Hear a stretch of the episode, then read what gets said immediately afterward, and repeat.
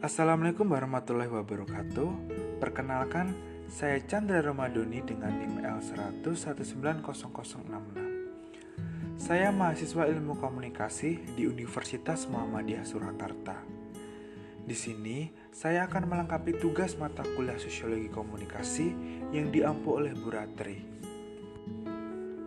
Saya mengambil kasus mengenai vaksinasi COVID-19 karena sekarang ini di Indonesia masih ramai pemberitaan mengenai virus COVID-19. COVID-19 adalah penyakit yang disebabkan oleh virus corona menurut World Health Organization.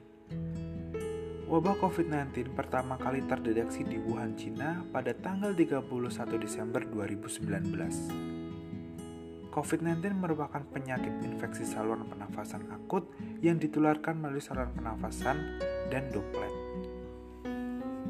Pandemi ini menarik perhatian masyarakat dalam memantau perkembangan situasi dunia. Di abad media baru, terlihat tendensi pembaca berita online suka beranjak dari satu situs ke situs lainnya. Mereka membaca berita berdasarkan daya tariknya dan membandingkan berita satu ke situs lainnya.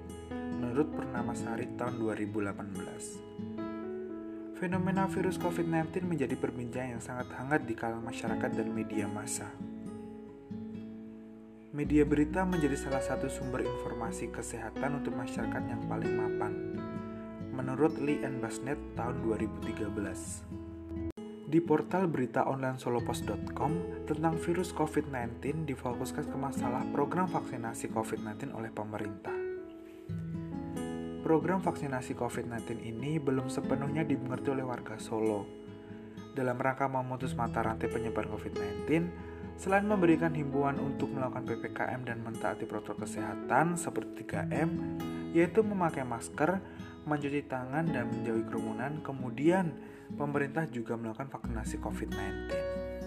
Peraturan Menteri Kesehatan Nomor 84 Tahun 2020 tentang pelaksanaan vaksinasi dalam rangka penanggulangan pandemi COVID-19 menetapkan keputusan terkait pelaksanaan vaksinasi dalam rangka penanggulangan COVID-19 berdasarkan keputusan Menteri Kesehatan nomor HK.01.07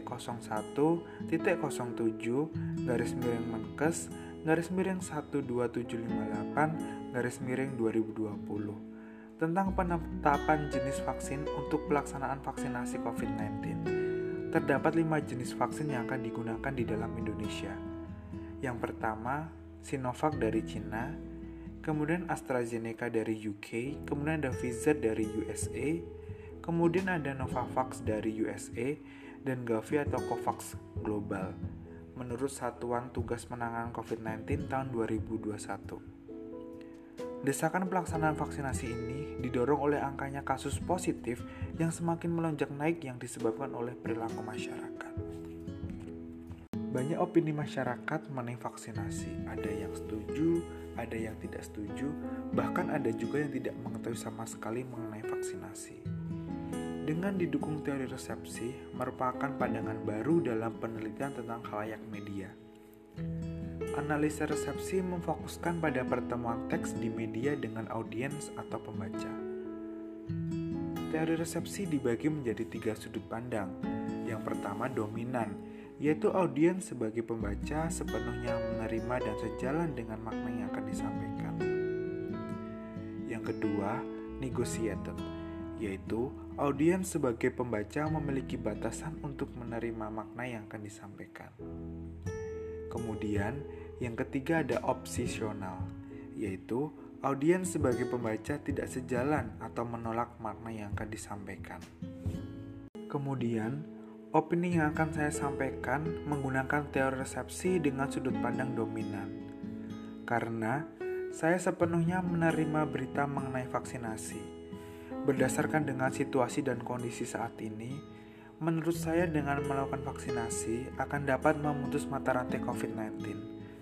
Dapat dilihat bahwa dengan mentaati protokol kesehatan saja belum maksimal penanggulangannya. Saya berharap dengan program vaksinasi pemerintah ini dapat memutus mata rantai COVID-19.